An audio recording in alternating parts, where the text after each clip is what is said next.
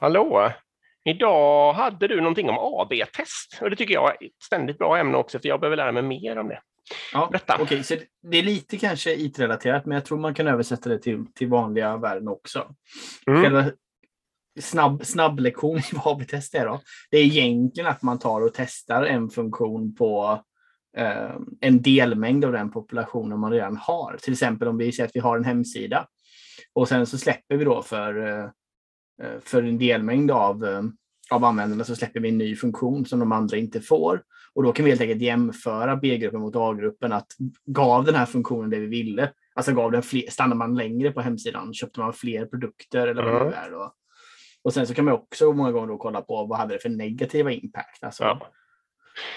Man kan väl jämföra med om man är forskare så jobbar man ju ofta med en kontrollgrupp. Det är samma grundläggande tankesätt helt enkelt.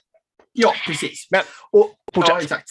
Det som är uh, utmaningen när man sätter upp sådana här AB-test, uh, det är ju att man många gånger uh, måste välja då vilka mätvärden vill man fokusera på och vad vill man inte fokusera på. Och sen sätter man ofta upp det här som kallas guardrails då, alltså du, till exempel att ja, vi vill inte att folk köper mindre på vår webbsida. Det får aldrig hända liksom. Så om vi har det som guardrail för alla AB-test så bryter man mot det, då spelar det ingen roll vad andra mätvärden du flyttar, men du får liksom inte förstöra de här Nej. grundsakerna liksom, för vår verksamhet. Då.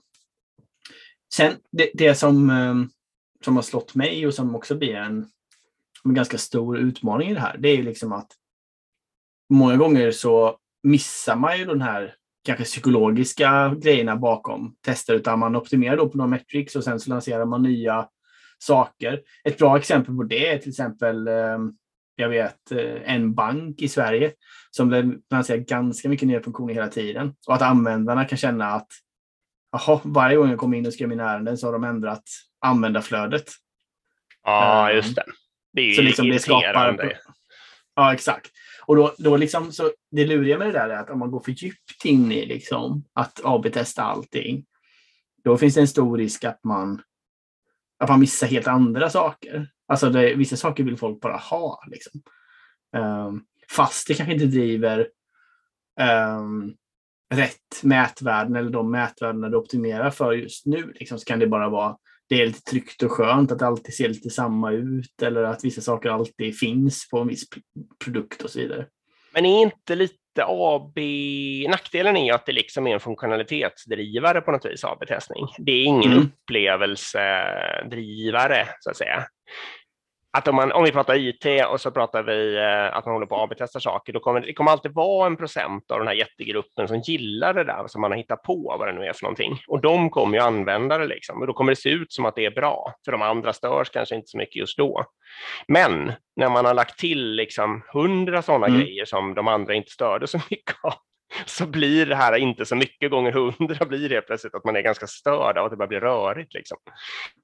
Um, det är väl... Exakt så är det också. Sen, sen, det som är bra är att man också kan testa befintliga saker som redan finns. Om du tar över en applikation till exempel, eh, som inte du har varit med och produktutvecklat från början, då kan du börja ta bort saker och se hur det faktiskt påverkar. Alltså de, de som är i A-gruppen då har egentligen mer funktionalitet än de i B-gruppen. Du börjar ta bort saker och bara se hur det påverkar. Det är också intressant då. Så det behöver inte nödvändigtvis bara vara för att testa nya funktioner, utan det kan även vara för att testa. Det det är sant. Eh, men det här kan man ju då översätta också på um, Ehm, på organisationsutveckling. Alltså om man gör en organisationsförändring så behöver man inte nödvändigtvis göra den på hela organisationen. Utan man skulle kunna testa nya HR-processer eller vad det nu är eh, på en delmängd. Liksom. Sen får man se upp lite med då att man har statistiskt eh, säkerställt stor kontrollgrupp, att, eh, eh att hypotesen i grunden är eh, inte biased eller rätt och så vidare. Så det finns, finns ju fällor, men man kan ju använda den här arbetssättet utanför IT också. I ju typ organisationsförändringar, ja. nya processer, HR och så vidare. Det är smart. Och då gäller, det gäller ju att det är någonting som funkar på, man kan inte organisera om på högsta nivån med AB-testning, för då behöver man ju två företag. Så att säga. Eh, ja. men, man, men sånt som funkar på lokal nivå passar ju hur bra som helst, för då har man ju stora populationer, liksom, om man har många grupper till exempel.